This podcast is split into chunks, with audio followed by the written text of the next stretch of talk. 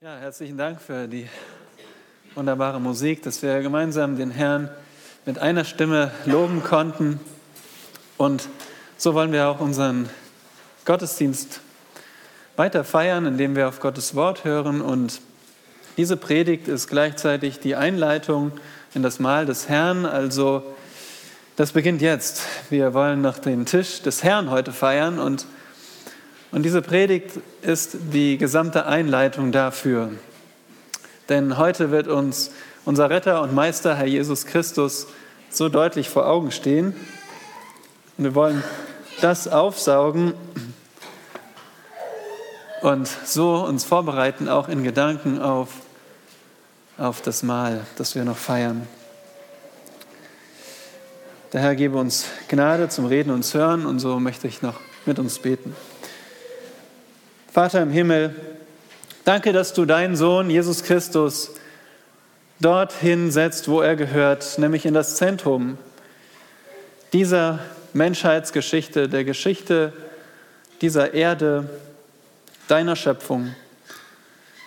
Denn nur du bist so würdig, dass alle dich anbeten. Und nur dein Sohn ist der, die perfekte Ausstrahlung deiner Herrlichkeit und ist die Sonne selbst, die alles erleuchtet und in unsere Finsternis scheint. Und so bitten wir dich, dass du uns erleuchtest durch deinen Geist, wenn wir auf dein Wort hören und dass du mir Gnade gibst, dieses dein Wort recht zu präsentieren und dass du unsere Herzen ergreifst. Nicht nur unser Denken, sondern alles in uns, unseren Willen, unseren Verstand, unser Gefühl, unseren ganzen Menschen.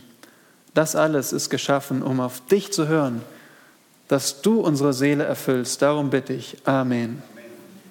Nun stell dir vor, du bekommst ein Glas gereicht. Das Glas ist voll und das Glas ist voller Essig.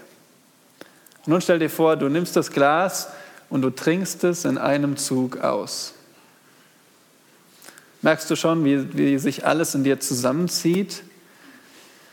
Dein Mund ist nur noch sauer und deine Zähne werden schon rau von diesem Essig.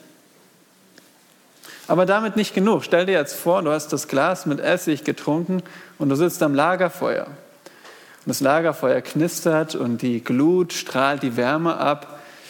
Und dann kommt jemand und wirft ein nasses Stück Holz ins Feuer.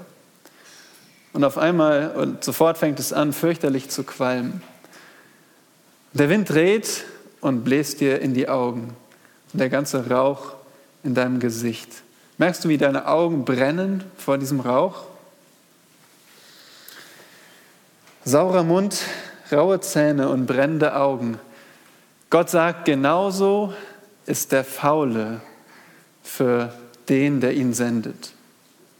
So ist ein Gesandter, der nicht tut, was er soll. Er ist wie Essig, für die Zähne und wie Rauch in den Augen. So ist ein Gesandter, der nicht seinen Auftrag erfüllt. Und ihr Lieben, ich denke, so muss sich auch Gott fühlen mit vielem, was heutzutage als christliche Mission abläuft. Wir sehen sehr viel Aufwand in der Welt im Namen von christlicher Mission. Sehr viel Aufwand, große Veranstaltungen. Viel Geld, was hineinfließt. Großer Einsatz. Und wir sehen auch modernste Medien werden verwendet für Mission. Aber am Ende wird der Auftrag verfehlt.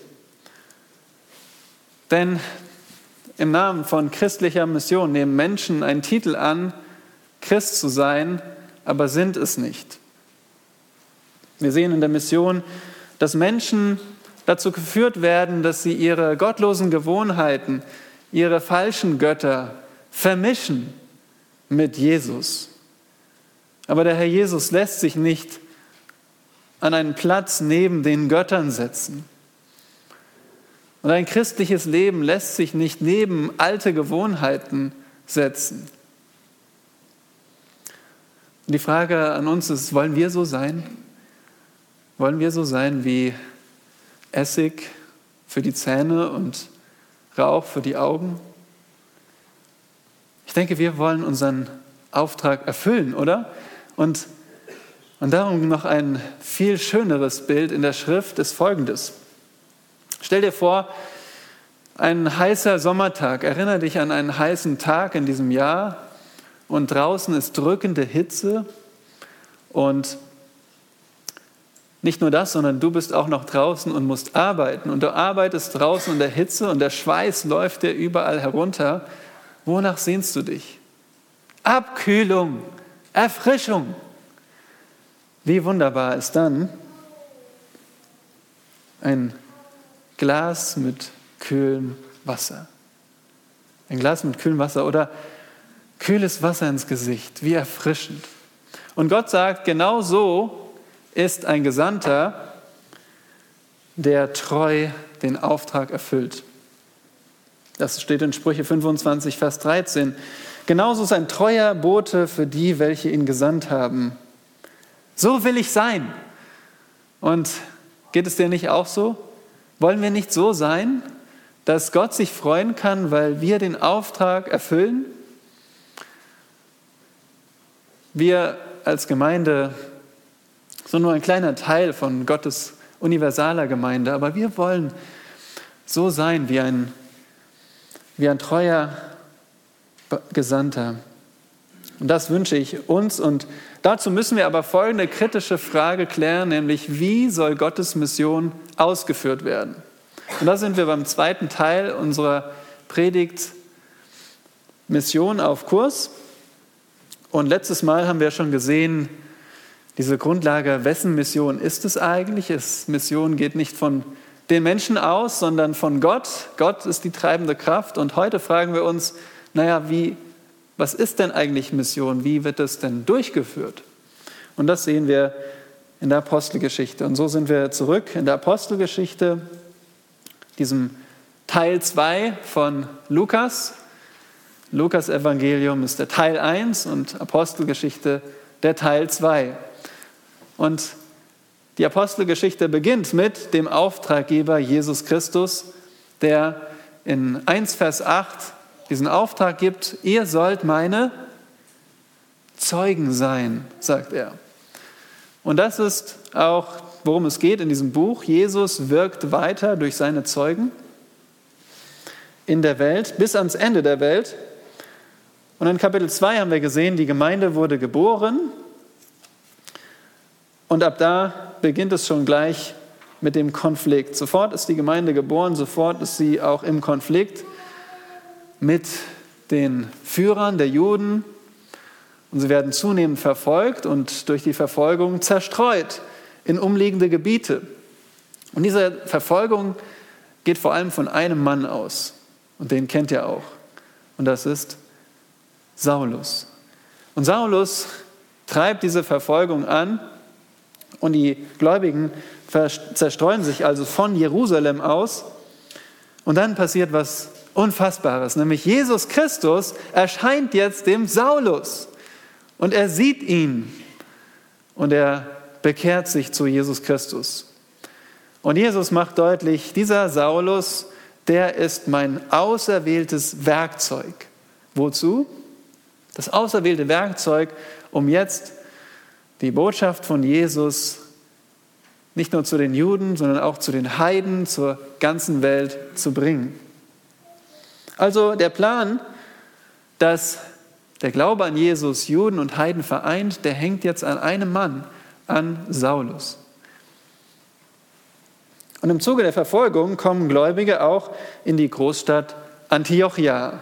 Ja, dieses Antiochia am Fluss Orontes, diese große Stadt, äh, drittgrößte Stadt im Römischen Reich. Und dort macht das Evangelium einen großen Einfluss, weil es werden viele gläubig an Jesus Christus. Und so entsteht dort Gemeinde in Antiochia. Und die Jerusalemer Gemeinde wird aufmerksam und sie senden einen Mann nach Antiochia. Und das war wer? Barnabas. Barnabas von Jerusalem nach Antiochia.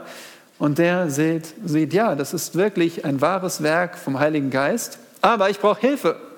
Nun, wen ruft er um Hilfe? Wen ruft Barnabas um Hilfe? Das ist Saulus. Er holt Saulus dazu, denn Saulus ist ja mittlerweile Christ geworden. Und so dienen sie ein paar Jahre, bis dann der Heilige Geist Barnabas und Saulus aussondert für das bestimmte Werk. Welches Werk nun auch in noch entfernteren Gebieten sollen die Menschen von Jesus Christus hören.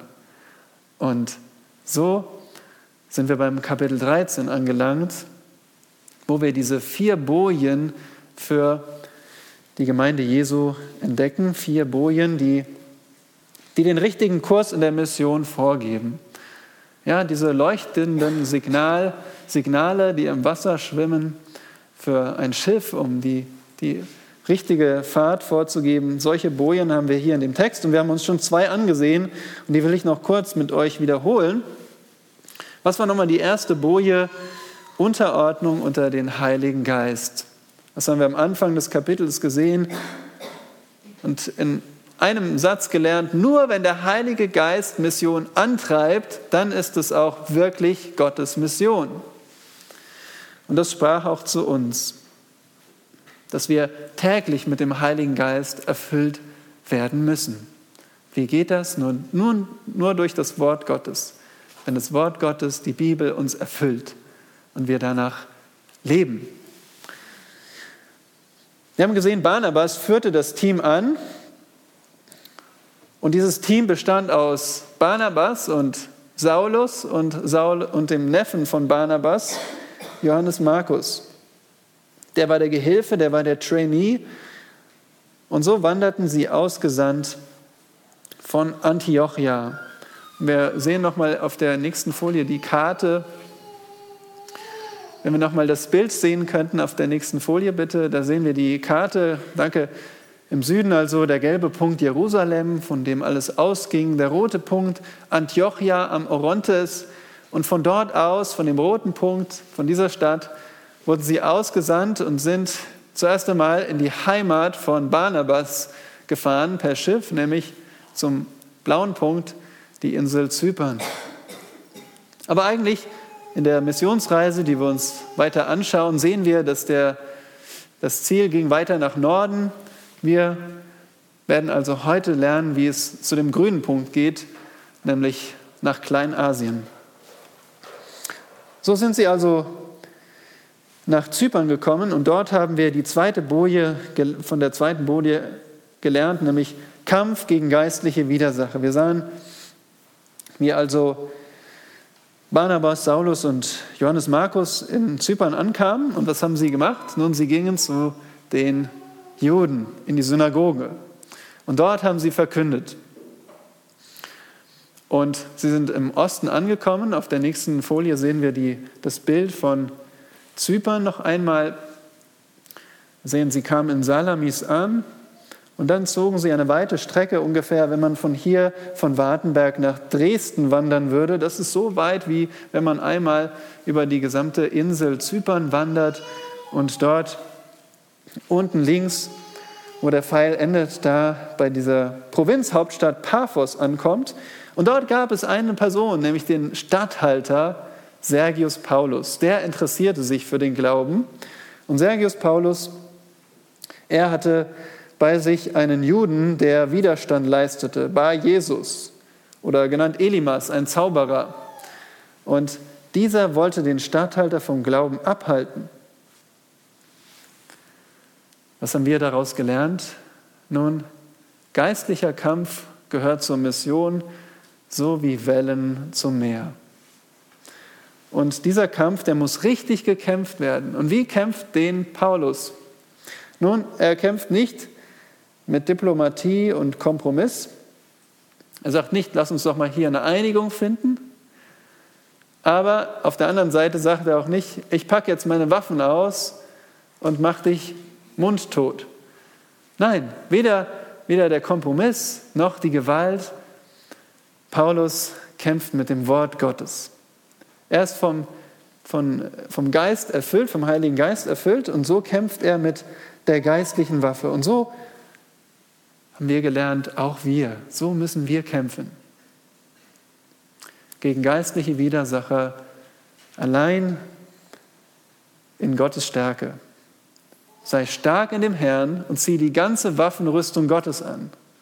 Das sind unsere einzigen Waffen im geistlichen Kampf. Und das geht nicht ohne das Wort Gottes. Und so haben wir gesehen, in diesem Kampf, der Jude widersteht und wird blind und der Heide glaubt und wird Gottes Kind. Bevor wir jetzt fortfahren, möchte ich euch nochmal fragen, wer von euch erinnert sich an diesen doppelten Tausch, der hier stattgefunden hat? Da gab es einen doppelten Tausch. Der erste Tausch war, Paulus ergreift das Wort gegen diesen Zauberer Elimas und so auch im folgenden, in der folgenden Geschichte wird jetzt immer Paulus zuerst genannt. Er übernimmt jetzt die Führung von diesem dreiköpfigen Team. Das ist der erste Tausch. Nicht mehr Barnabas, sondern Paulus. Und der zweite Tausch war, ab jetzt wird Saulus nur noch Paulus genannt. Saulus war sein jüdischer Name und Paulus sein ja, heidnischer Name, griechisch, römisch. Und das hat einen bestimmten Hintergrund, denn jetzt kommt der Fokus auf die Verkündigung zu den Heiden, so wie wir in der großen Mehrheit. Und so achten wir jetzt auf die dritte Boje für den richtigen Kurs, nämlich Heilsverkündigung für alle Zuhörer. Heilsverkündigung auf die, für alle Zuhörer.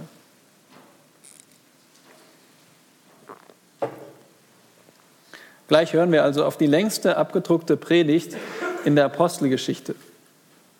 In der Synagoge von Antiochia gen Pisidien. Und dieser Text ist sehr wahrscheinlich eine konzentrierte Fassung, also nicht alles, was Paulus gepredigt hat, aber es fasst es perfekt zusammen. Und ich freue mich drauf, gleich auf diese Predigt in der Predigt. Und was für eine Predigt predigt Paulus? Er predigt das Heil Heil, Rettung predigt er, das Evangelium für alle Zuhörer. Nun, wie kommen wir dahin zu dieser Predigt? Achtet auf Vers 13 in Apostelgeschichte 13. Paulus und seine Gefährten aber fuhren von Paphos ab und kamen nach Perge in Pamphylien. Johannes trennte sich jedoch von ihnen und kehrte nach Jerusalem zurück. Hier in diesem Vers seht ihr, das erste Wort ist Paulus. Paulus ist jetzt der Anführer und er gibt die Richtung vor, nämlich nach Norden übers Meer in Richtung Kleinasien, also das, die heutige Türkei. Und mit dem Schiff erreichen sie den Hafen. Hier gibt es mehrere Optionen, wo das sein könnte. Auf der nächsten Folie sehen wir nochmal die Route, einmal von Zypern, also jetzt über das Meer nach Kleinasien Richtung Norden. Und wenn wir etwas näher herangehen an die Karte, auf der nächsten Folie sehen wir also mögliche Häfen. Einmal ganz links seht ihr Atalia, das ist das heutige Antalya. Und dann sehen wir einen weiteren Ort, das blaue Magidus, ist auch ein Hafen. In der Schrift steht nicht genau, wo sie ankamen, es könnte auch dort sein. Und von Atalia oder Magidus gibt es also Straßen nach Perge. Ihr seht, Perge ist etwas weiter im Landesinneren. Es ist auch möglich, dass sie die orangene Route nahmen, nämlich das ist der Fluss Kestros.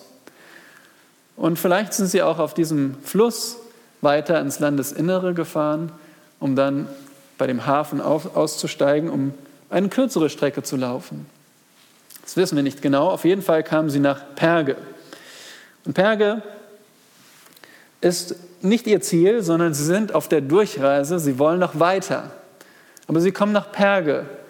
Und auf der nächsten Folie sehen wir ein Bild von Perge. Im letzten Jahr habe ich das gemacht. Da dürfte ich das mal mit eigenen Augen erleben. Perge ist also, äh, hat man ausgegraben und hier sieht man also, wie man diese Straßen rekonstruiert. Ein Theater, einen Marktplatz hat man rekonstruiert und dort ausgegraben. Und in dieser Stadt, da findet diese bedauerliche Trennung statt.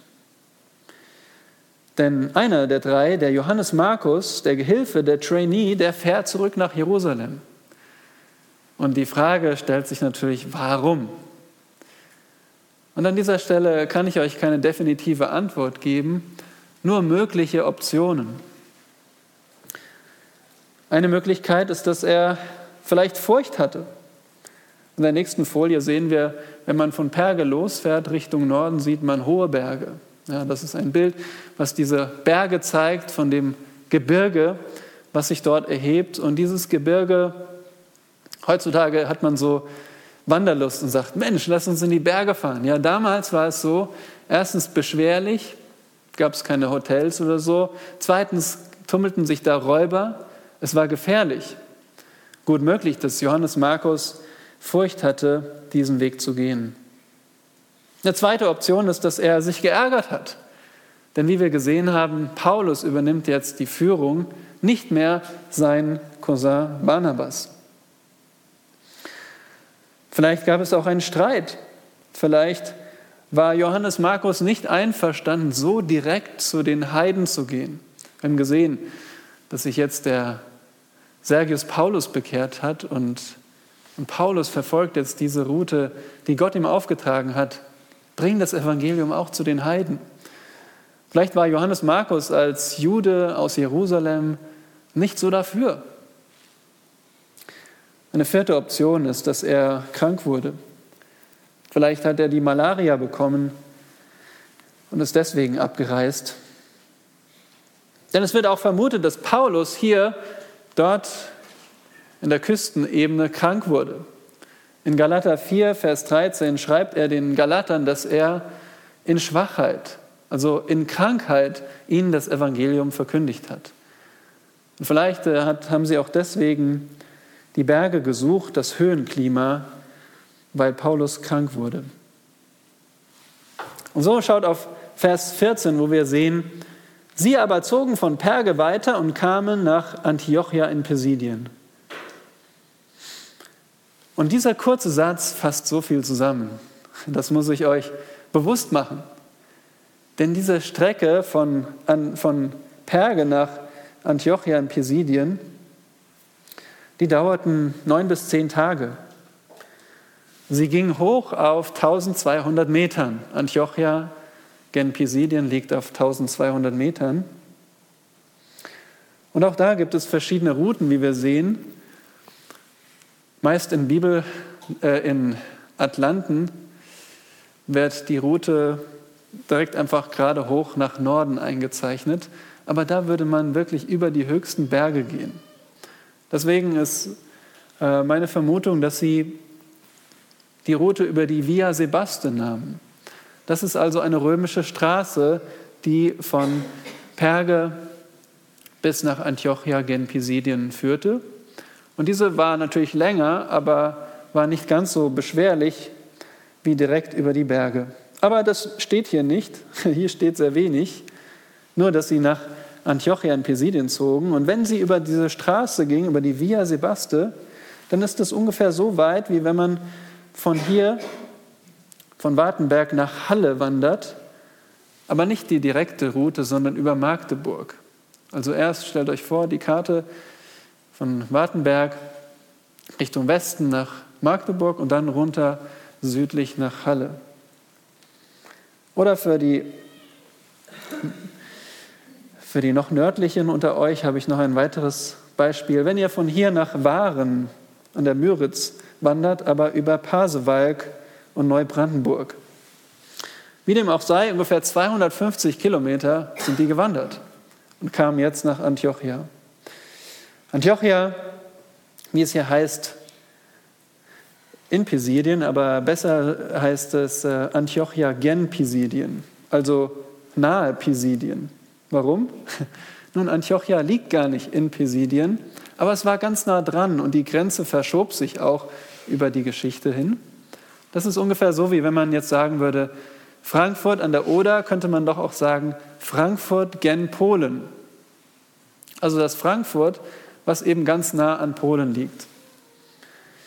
Auf der nächsten Folie seht ihr, wie das Orangene, also das Orangene ist eigentlich Phrygien und Antiochia liegt also schon in Phrygien und nicht im äh, im lilanen Pisidien. Es ist aber ganz nah dran, deswegen wurde es mit Pisidien verknüpft. Und diese Stadt war eine römische Stadt mit wahrscheinlich 10.000 Einwohnern. Ich hätte sie gern besucht, aber unsere Reiseroute letztes Jahr führte nicht dahin. Ich habe euch ein Bild mitgebracht auf der nächsten Folie von dem imposanten Augustus-Tempel, den man dort ausgegraben hat.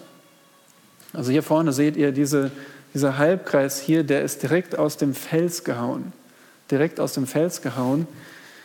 Und dort hat also Kaiser Tiberius dem Augustus einen Tempel gebaut, so groß wie ein Fußballfeld. Und er war damals circa 20 Jahre alt, als Paulus in diese Stadt kam. Aber wo geht Paulus hin? In den Tempel? Oh nein. Schaut auf Vers 14. Und sie gingen am Sabbattag in die Synagoge und setzten sich. Sie suchen den Kontakt in der Synagoge. Die Synagoge ist das jüdische Versammlungshaus. Synagoge heißt Versammlung. Natürlich hat man da Gottesdienst gefeiert, aber nicht nur das. Die Synagoge war auch gleichzeitig Schule. Die Synagoge war Gericht. Sie war Veranstaltungshaus und sie war ein Bürgerhaus. Und jetzt werden wir Zuschauer eines gewöhnlichen Synagogen-Gottesdienstes. In Vers 15 heißt es, und nach der Vorlesung des Gesetzes und der Propheten ließen die Obersten der Synagoge ihnen sagen, ihr Männer und Brüder, wenn ihr ein Wort der Ermahnung an das Volk habt, so redet. Gewöhnlich begann so ein Gottesdienst mit dem Glaubensbekenntnis der Juden. Höre Israel, Jahwe ist dein Gott, Jahwe ist einer. Und dann gab es Gebete. Und dann gab es eine Schriftlesung. Zuerst, wie man hier sieht in Vers 15, zuerst aus dem Gesetz, also den fünf Büchern Mose, und dann aus den Propheten. Und die Schriftlesung war entweder direkt aus der griechischen Übersetzung oder der Text wurde dann nochmal übersetzt für die, die eben Hebräisch nicht so gut konnten. Und danach kommt die Ansprache, also sozusagen die Predigt, ganz ähnlich wie bei uns. Und diese Predigt, die musste nicht unbedingt etwas mit der Schriftlesung zu tun haben. Und es war auch nicht ungewöhnlich, dass man einen Gastredner einlud. Und hier musste, also Gastredner mussten natürlich angemessen ausgebildet sein. Man konnte nicht jeden jetzt einfach das Wort überlassen, aber wahrscheinlich hatte der Begrüßungsdienst in der Synagoge, der hat schon Paulus und Barnabas erkannt oder sich bekannt gemacht. Wo kommt er her? Oh, Paulus, ausgebildet in Jerusalem. Ja, der war ja ein Fünf-Sterne-Lehrer, wie, auch der wie auch der Barnabas. Und so sehen wir hier, dass die Obersten, die also auf der, auf der anderen Seite des Saals saßen, die haben das mitbekommen, wer sich hier unter ihnen befindet. Und die haben dann ihren Assistenten geschickt und ihnen sagen ließen, ihr Männer und Brüder, wenn ihr jetzt predigen wollt, dann bitteschön. Paulus lässt sich sowas nicht zweimal sagen. Ja, Paulus ist bereit. Und er nimmt die Gelegenheit in Vers 16. Da stand Paulus auf und gab ein Zeichen mit der Hand und sprach, ja, Paulus steht auf, so wie es bei griechisch sprechenden Juden üblich ist. Und er macht ein Zeichen mit der Hand. Was bedeutet das? Nun ganz einfach, wahrscheinlich waren vielleicht schon Gespräche ausgebrochen äh, oder hatten schon angefangen. Ja, die Schriftlesung war vorbei und vielleicht dachten die Leute ja, geht nicht weiter, vielleicht ist es ja heute schon vorbei, der Gottesdienst und so. Haben sie schon angefangen, untereinander zu reden und Paulus macht ein Zeichen und sagt, jetzt kommt die Predigt. Und sein Thema lautet Jesus präsentiert von Gott.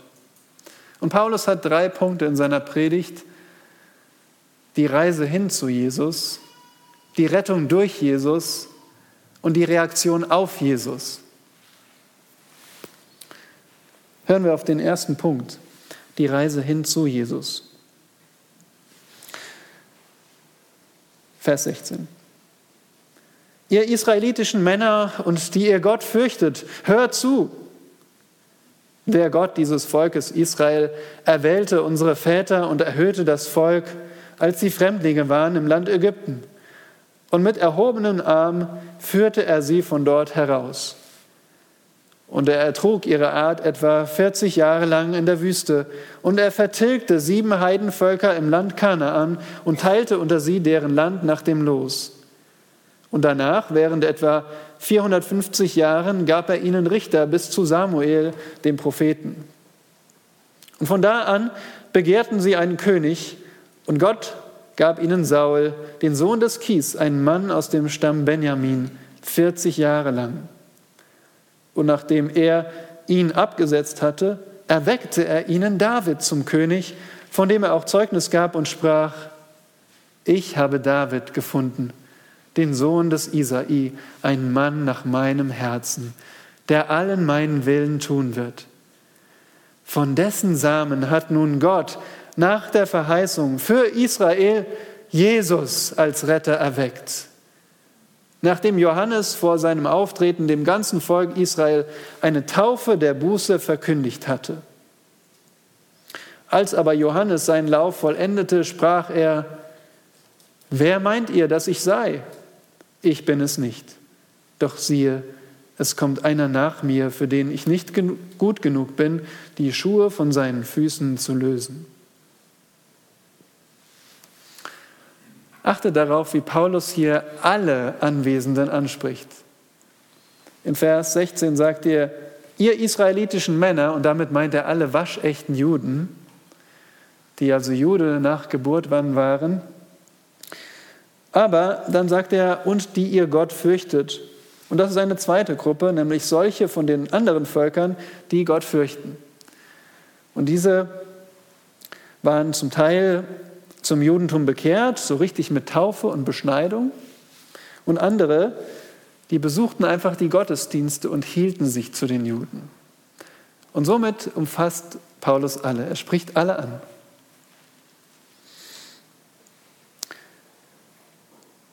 Und jeder von diesen Zuhörern, die wussten etwas vom Gott Israels. Und deswegen beginnt auch Paulus genau da, bei dem Gott Israels. Und hier sehen wir die Reise hin zu Jesus oder auch der rote Faden zu Jesus. Der rote Faden beginnt hier mit den Stammvätern Israels, also Abraham, Isaac und Jakob. Ihr wisst ja, alle Völker stammen von einem Mann ab, über den Gott den Fluch brachte, weil er gesündigt hat, nämlich Adam. Und durch Adam kamen später viele Völker, und jedes Volk ist gefangen durch die Neigungen zum Bösen. Jedes Volk. Und Gott, der gute Gott, erwählt einen Mann, nämlich Abraham, durch den er alle Völker segnen will. Das ist sein Plan. Und nun achte darauf, wie Gott der Held der Geschichte ist. Seht ihr mal, wie häufig Paulus von Gott spricht. Er sagt, Gott hat unsere Väter erwählt. Gott erhöhte das Volk, als sie Fremdlinge waren. Gott befreite sie aus der Sklaverei in Ägypten. Gott ertrug sie 40 Jahre in der Wüste. Warum 40 Jahre? Ihr wisst es, sie rebellierten gegen Gott in der Wüste und deswegen wurden aus wenigen Monaten 40 Jahre. Und das war die Züchtigung für ihre Rebellion. In anderen Handschriften heißt es, Gott versorgte sie, nicht nur ertrug sie, und das trifft natürlich auch zu, denn Gott hat sie auch in der Wüste 40 Jahre versorgt, obwohl sie rebellisch waren. Weiter heißt es, Gott vertilgte sieben Heidenvölker, und das lesen wir in 5. Mose 7, Vers 1, diese sieben Völker nämlich die Hethiter, Girgasiter, Amoriter, Kananiter, Pheresiter, Heviter und Jebusiter. Aber diese sieben stehen nur stellvertretend für alle Völker in Kanaan. Deswegen sagt Paulus sieben. Und dann heißt es über Gott, Gott teilte unter sie das Land. Das ist natürlich die Zeit von Josua. Durch das Los wurde das Land aufgeteilt auf die Stämme. Und dann heißt es weiter, und danach, während etwa 450 Jahren, gab er ihnen Richter bis zu Samuel. Und da, wenn ihr die Geschichte Israels und die Bibel kennt, dann stockt ihr erstmal. Hä? Warum 450 Jahre? Wenn man die Zeiten der Richter zusammenzählt, kommt man niemals auf 450 Jahre. Also wie ist das gemeint? Nun, wer die Elberfelder Übersetzung liest, bemerkt, dass sich hier die 450 Jahre auf das Vergangene beziehen, also auf den Auszug, Wüstenwanderung und die Eroberung. Ja, sie waren etwa 400 Jahre in Ägypten plus 40 Jahre in der Wüste, macht 440, plus sieben Jahre Eroberung, macht gerundet etwa 450. Und diese Übersetzung gründet sich wohl auf den besseren Text. Denn die Richterzeit war viel kürzer als 450 Jahre. Und das war auch gut so, weil die Richterzeit war schlimm. Aber hier heißt es, immer wieder gab Gott ihnen Richter. Und Richter sind Retter. Die haben sie gerettet vor diesen fremden Völkern. Das hat Gott gemacht. Seht ihr, wie Paulus Gott diesen Menschen in der Synagoge vor Augen stellt. Gott gab ihnen Richter bis hin zu Samuel. Und Samuel der war Gottes Vertreter und der musste sich anhören, wie das Volk sagte, wir wollen einen König, so wie die Völker. Und Gott gab ihnen einen König. Und dieser König war Saul. Saul war ein König nach dem Willen des Volkes und ihr wisst es, dieser Saul gehorchte Gott nicht. Und deswegen hat Gott ihn abgesetzt, wie es hier steht. Nachdem er ihn abgesetzt hatte, Vers 22, erweckte er ihnen David. Das bedeutet, Gott hat diesem Jungen das Leben gegeben. Gott hat diesen jungen David geformt. Gott hat diesen jungen David zum König salben lassen. Es war Gottes, Gottes Werk allein. Dieser David, der wird hier besonders beschrieben. Seht ihr es in Vers 22, wo Gott sagt, ich habe David gefunden den Sohn des Isai, ein Mann nach meinem Herzen. Was ist ein Mann nach Gottes Herzen? Steht hier, der allen meinen Willen tut.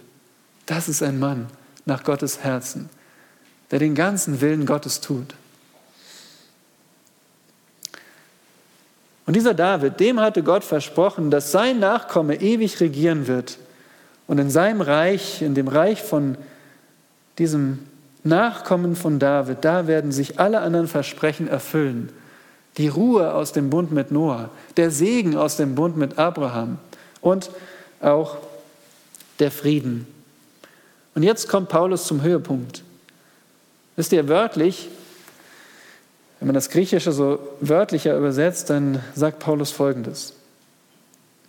Gott hat von dessen Nachkommenschaft nach der Verheißung für Israel als Retter erweckt, Doppelpunkt, Jesus. Das war der Höhepunkt. Jesus. Aber Paulus lässt auch nicht offen, welchen Jesus er meint. Denn achtet mal auf den, den folgenden Vers. Da heißt es ja, dass Johannes, der Täufer, diesen Jesus vorangegangen ist. Und wisst ihr, Johannes der Täufer, der war auch bekannt in Kleinasien. Wenn ihr später lest, in, ich denke, Kapitel 19 ist es, da gab es Jünger des Johannes des Täufers in Ephesus. Ephesus ist noch viel weiter in Kleinasien. Also die Leute, die kannten Johannes den Täufer. Und da war glasklar, welcher Jesus gemeint ist, nämlich der Jesus, den Johannes der Täufer angekündigt und dem er vorangegangen ist. Und was hat Johannes der Täufer gemacht? Nun, er hat getauft eine Taufe der Buße. Denn es gibt keine Errettung ohne die Umkehr zu Gott, ohne die Buße.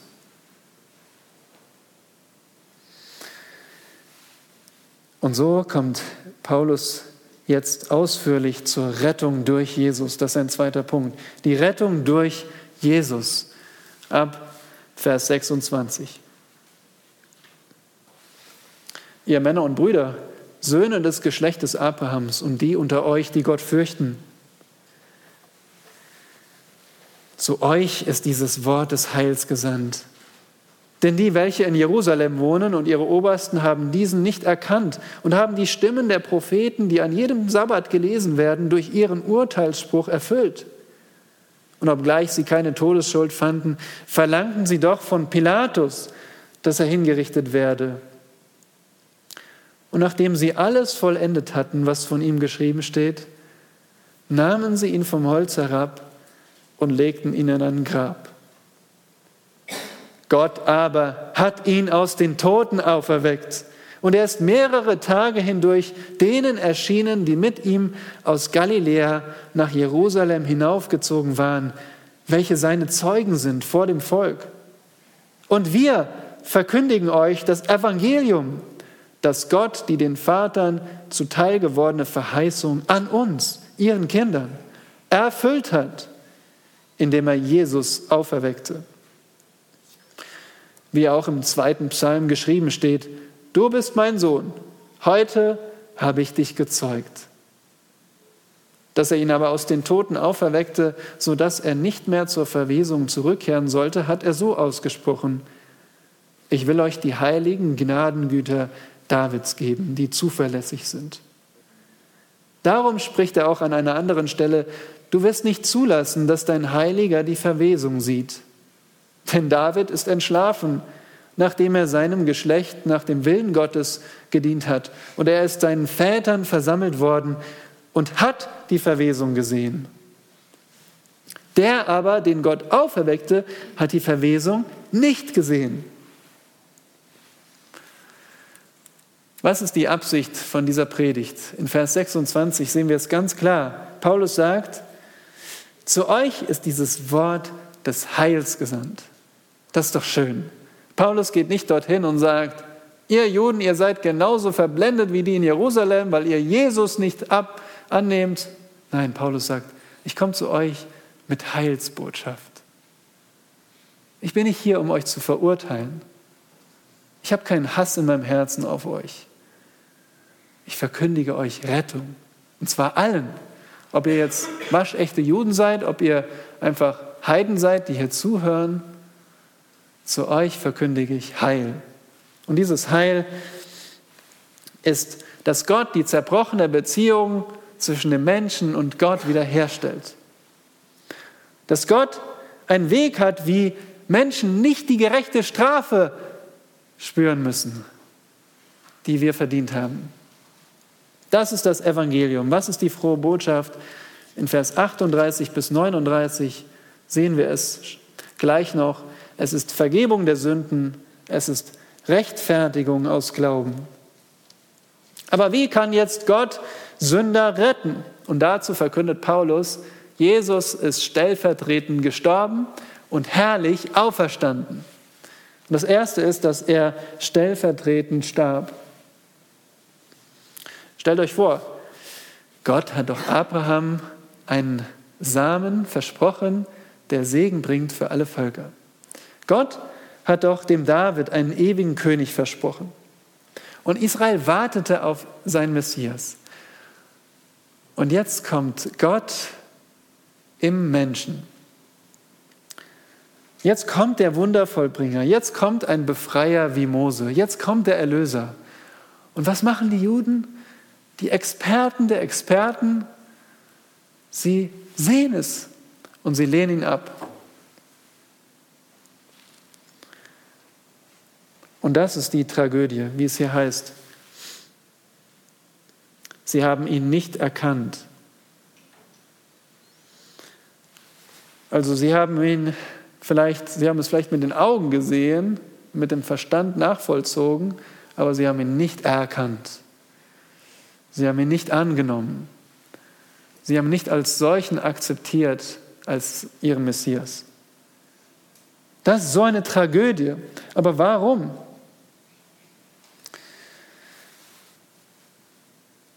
Warum? Johannes 3, Vers 19 heißt, sagt uns, darin aber besteht das Gericht, dass das Licht in die Welt gekommen ist und die Menschen liebten die Finsternis mehr als das Licht, denn ihre Werke waren böse. Paulus verkündet jetzt genau das, was wir in den Evangelien nachlesen können. Die Priester, die Schriftgelehrten und die Ultrafrommen, die fanden keine Schuld an Jesus. Vers 28. Was hatte der Herr Jesus getan? Wofür haben sie ihn dann verurteilt? Der Herr Jesus verkündete ihnen die Wahrheit, als der Hohepriester ihn verhörte. Ich beschwöre dich bei dem lebendigen Gott, dass du uns sagst, ob du der Christus bist, der Sohn Gottes. Jesus spricht zu ihm, du hast es gesagt. Überdies sage ich euch, künftig werdet ihr den Sohn des Menschen sitzen sehen zur Rechten der Macht und kommen auf den Wolken des Himmels. Die Juden hatten die Verurteilung so hingebogen, obwohl Jesus unschuldig war, aber sie konnten ihn nicht hinrichten. Und deswegen brachten sie ihn zum römischen Statthalter Pontius Pilatus. Und der hatte die oberste Gewalt in der Provinz und der war auch gemäß der Geschichte ein brutaler Mann. Aber was macht er?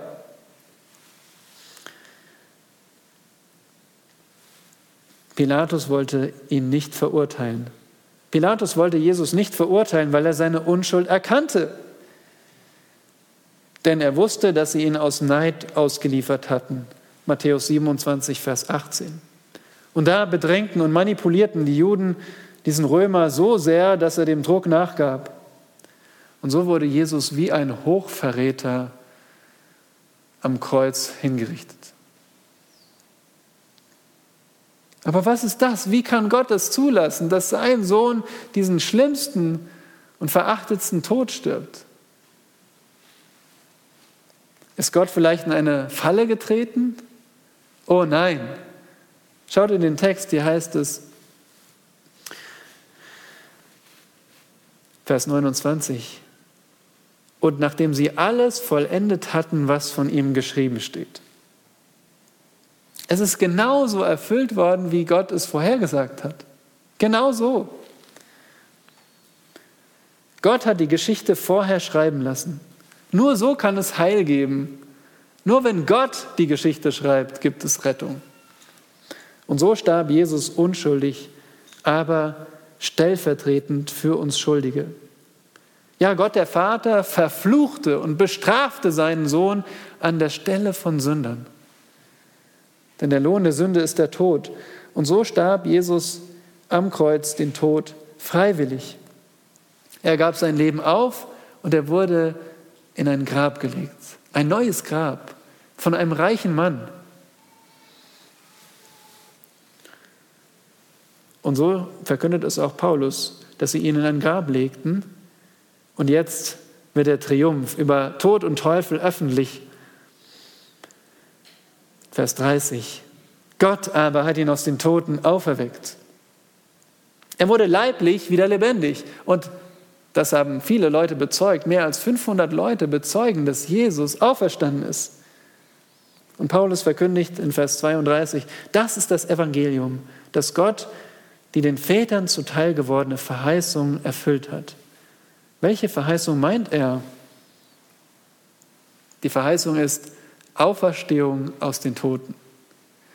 Denkt daran, dass, dass, es, dass Abraham das Reich Gottes in, im Land Israel verkündet oder verheißen wurde. Denkt daran, dass Isaak das Reich verkündet wurde. Denkt daran, dass Jakob, Israel, das Reich verkündet wurde. Aber alle sind gestorben. Wie können sie also die Verheißung erben?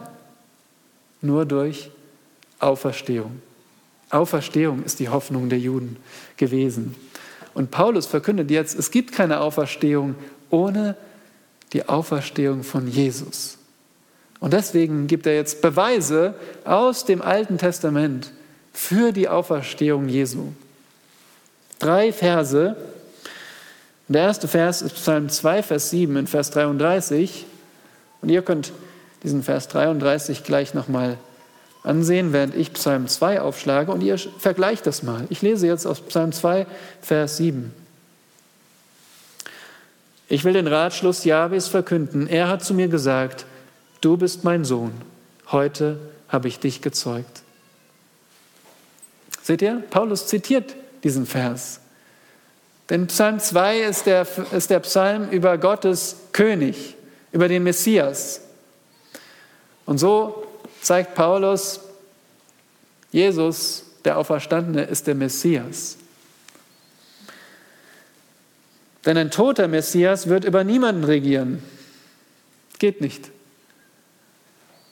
Aber Gott hat den Messias zu seinem Sohn erklärt.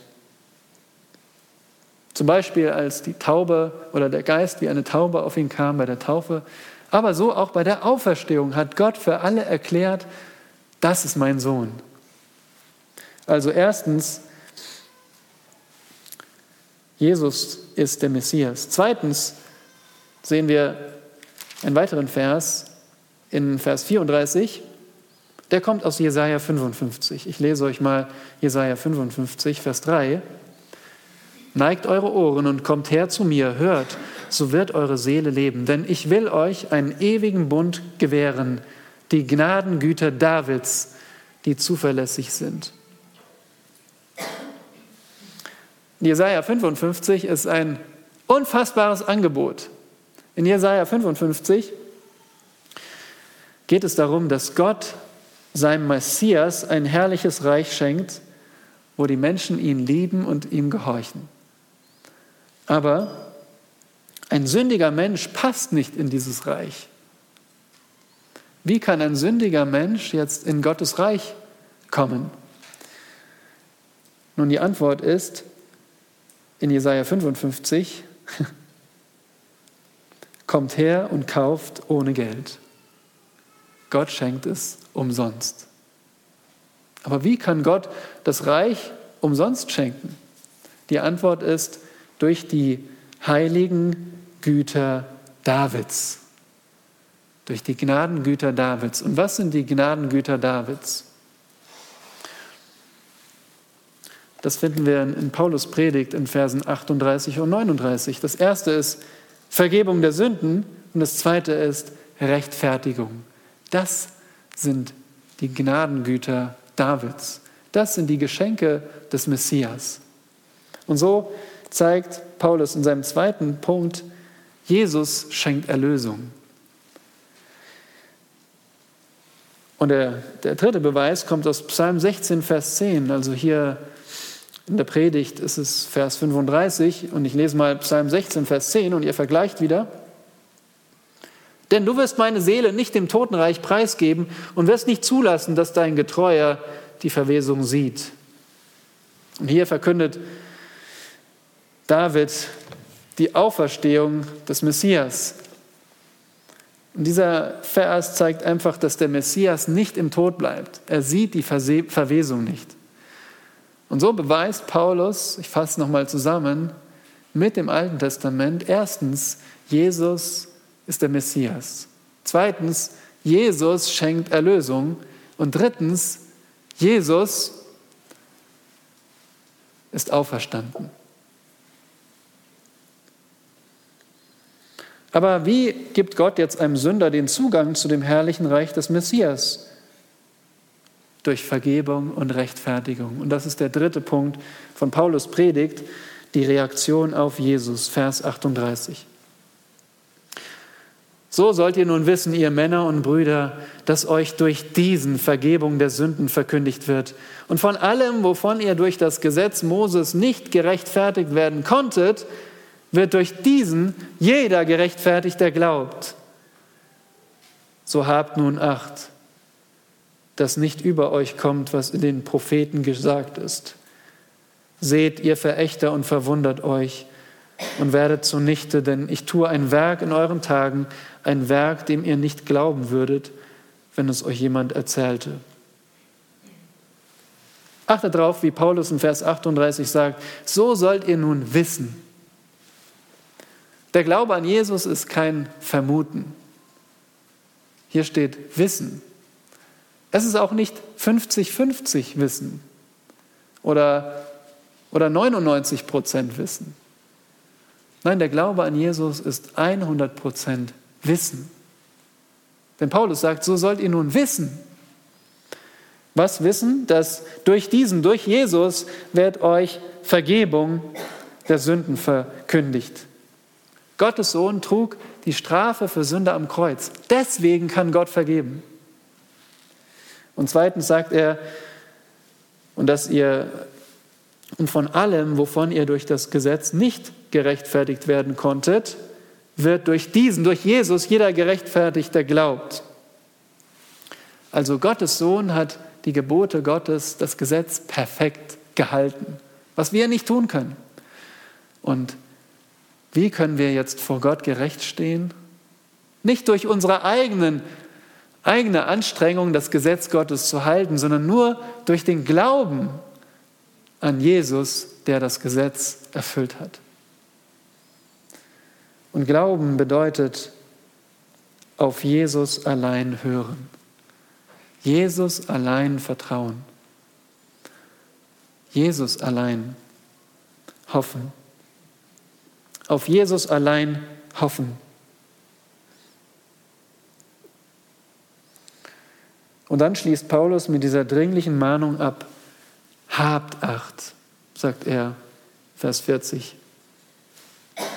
In anderen Worten, es geht um deine Seele. So ähnlich wie wir gelesen haben in Malachi. Hab nun Acht. Weißt du, du stehst an einer Weggabelung.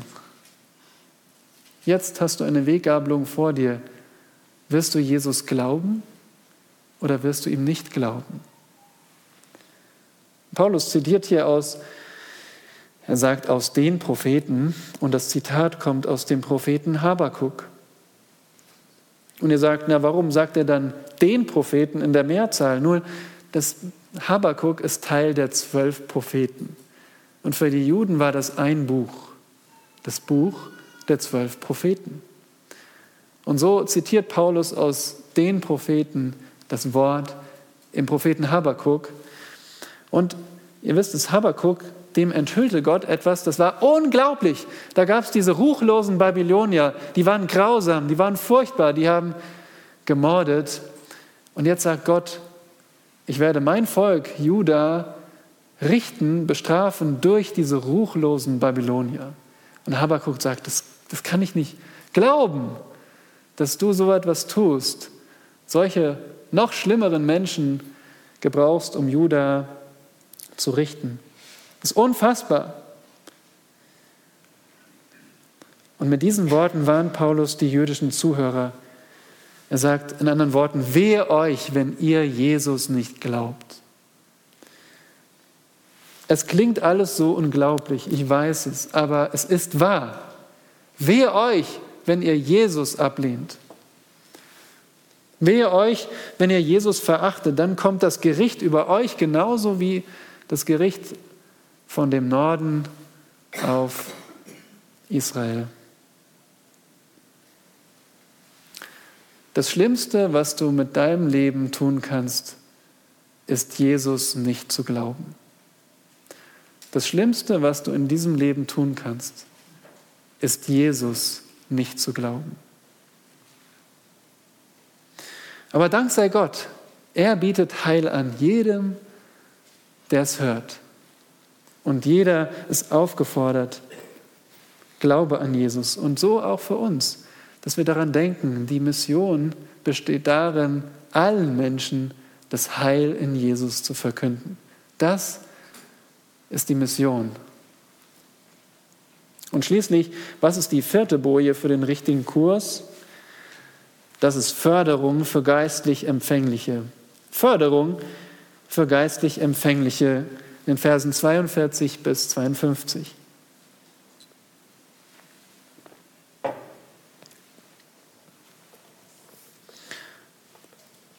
So lese ich uns den Rest des Kapitels ab Vers 42.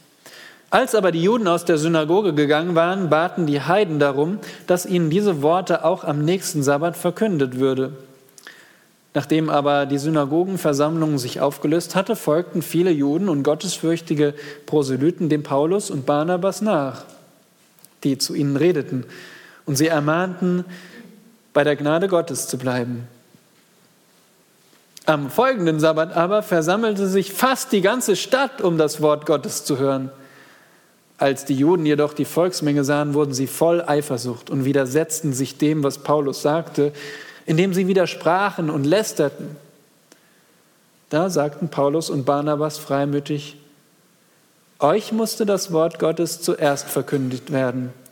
Da ihr es aber von euch stoßt und euch selbst des ewigen Lebens nicht für würdig achtet, siehe, so wenden wir uns zu den Heiden. Denn so hat uns der Herr geboten, ich habe dich zum Licht für die Heiden gesetzt, damit du zum Heil seist bis an das Ende der Erde. Als die Heiden das hörten, wurden sie froh und priesen das Wort des Herrn. Und es wurden alle die gläubig, die zum ewigen Leben bestimmt waren. Das Wort des Herrn aber wurde durch das ganze Land getragen. Aber die Juden reizten die gottesfürchtigen Frauen und die Angesehenen und die Vornehmsten der Stadt auf. Und sie erregten eine Verfolgung gegen Paulus und Barnabas und vertrieben sie aus ihrem Gebiet. Da schüttelten diese den Staub von ihren Füßen gegen sie und gingen nach Ikonium. Die Jünger aber wurden voll Freude und Heiligen Geistes. Alle in der Synagoge hatten das Evangelium gehört, aber wie würden sie jetzt reagieren? Hier sehen wir die Reaktion. Manche glaubten, aber andere widerstanden. Und die Missionare machen uns hier etwas vor. Sie geben uns ein Vorbild denn sie konzentrieren sich auf solche, die empfänglich sind. Sie fördern solche, die das Wort annehmen. Ja, nach der Predigt gingen die Juden nach draußen, die gingen schon zum Kaffeetisch, bedienten sich bei den Keksen, aber die Heiden, die hatten noch Fragen, die wollten noch mehr wissen. Sie baten darum, dass sie es noch, noch mehr hören. Und so sehen wir in Vers 43, dass aber auch viele Juden Paulus und Barnabas nachfolgten. Sie wollten noch mehr erfahren. Und gute Prediger, die machen genau das. Sie begrüßen es, wenn nach der Predigt noch Fragen kommen oder wenn auch unter der Woche Hunger da ist, aus dem Wort Gottes zu lernen. Und so weckt eine geisterfüllte Predigt Hunger auf mehr. Wir fragen uns, waren das alles echte Bekehrungen nun, das wissen wir nicht. Und wir sehen in Vers 43 ein gutes Vorbild von Paulus und Barnabas. Die wussten auch nicht, ob die alle jetzt bekehrt waren, die so freudig reagiert hatten. Aber schaut mal, was sie machen. Sie sagen, sie ermahnten sie, bei der Gnade Gottes zu bleiben.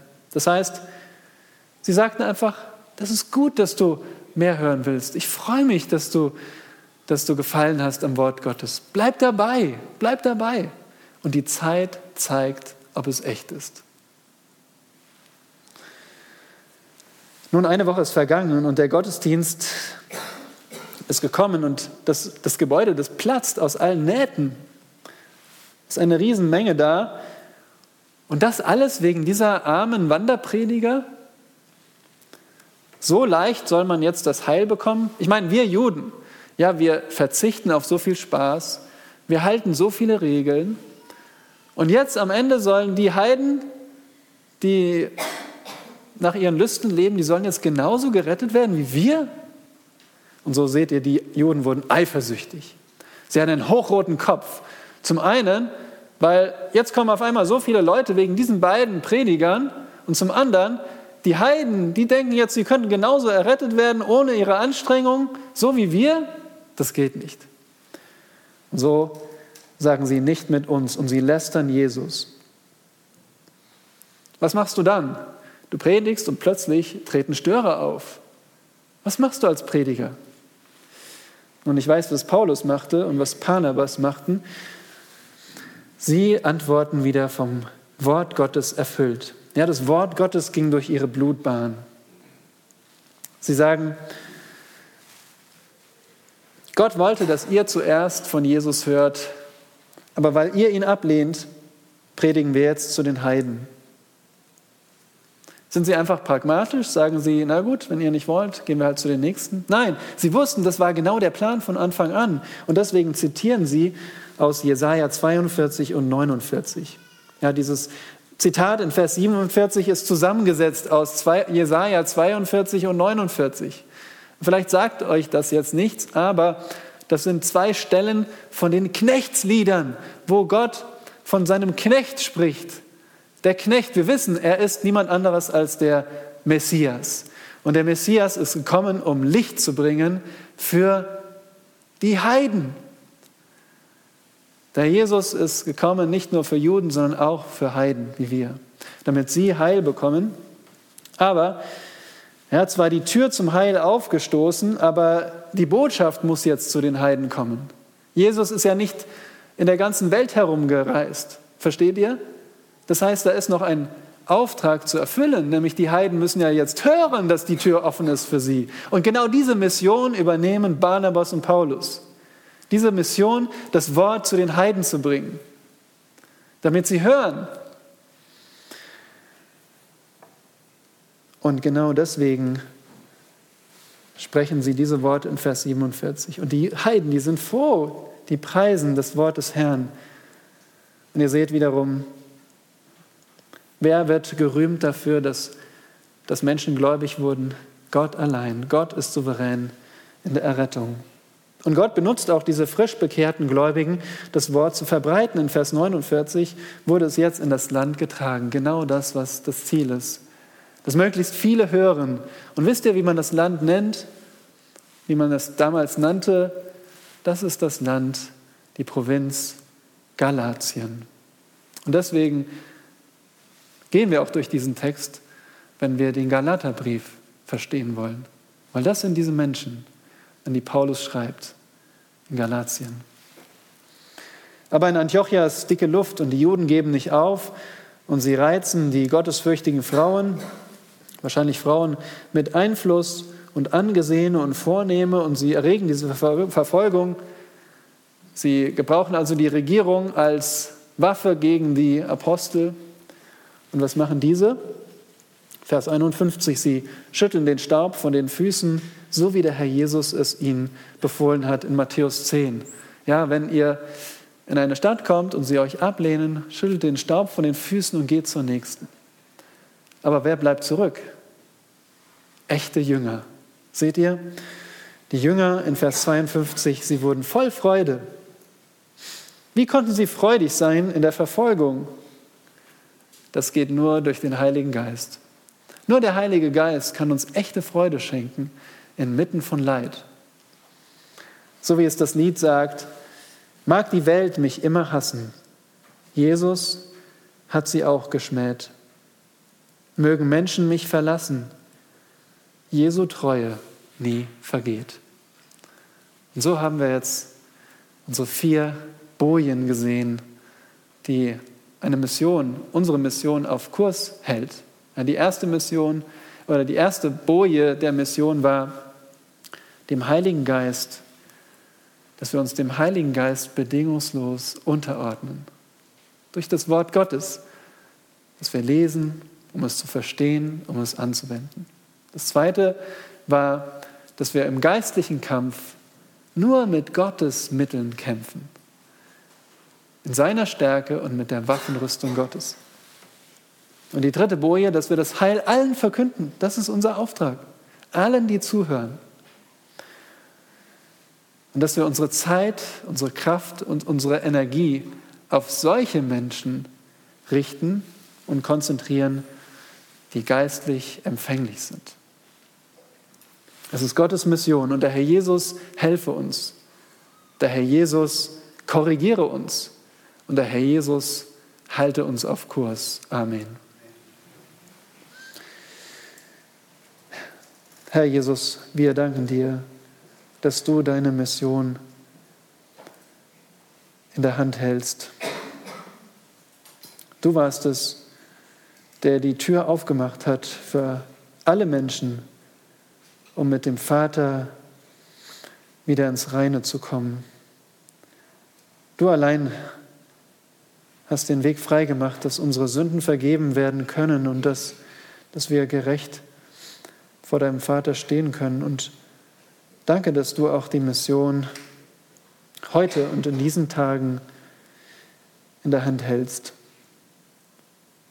Bewahre uns doch vor so vielem, was sich Mission nennt und doch nicht deine Mission ist und korrigiere uns, wo wir, ja, wo wir auch irren, auf dass wir so wie ein treuer Gesandter sind, der Kühlung, Abkühlung bringt in der Hitze. So wollen wir sein, etwas, was dir wohlgefällt und keine Gemeinde, die du vor Ekel ausspeien musst.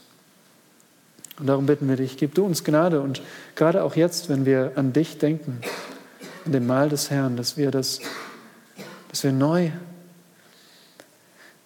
neu geistig erweckt und erquickt werden durch den Blick auf dein Werk für uns. Amen.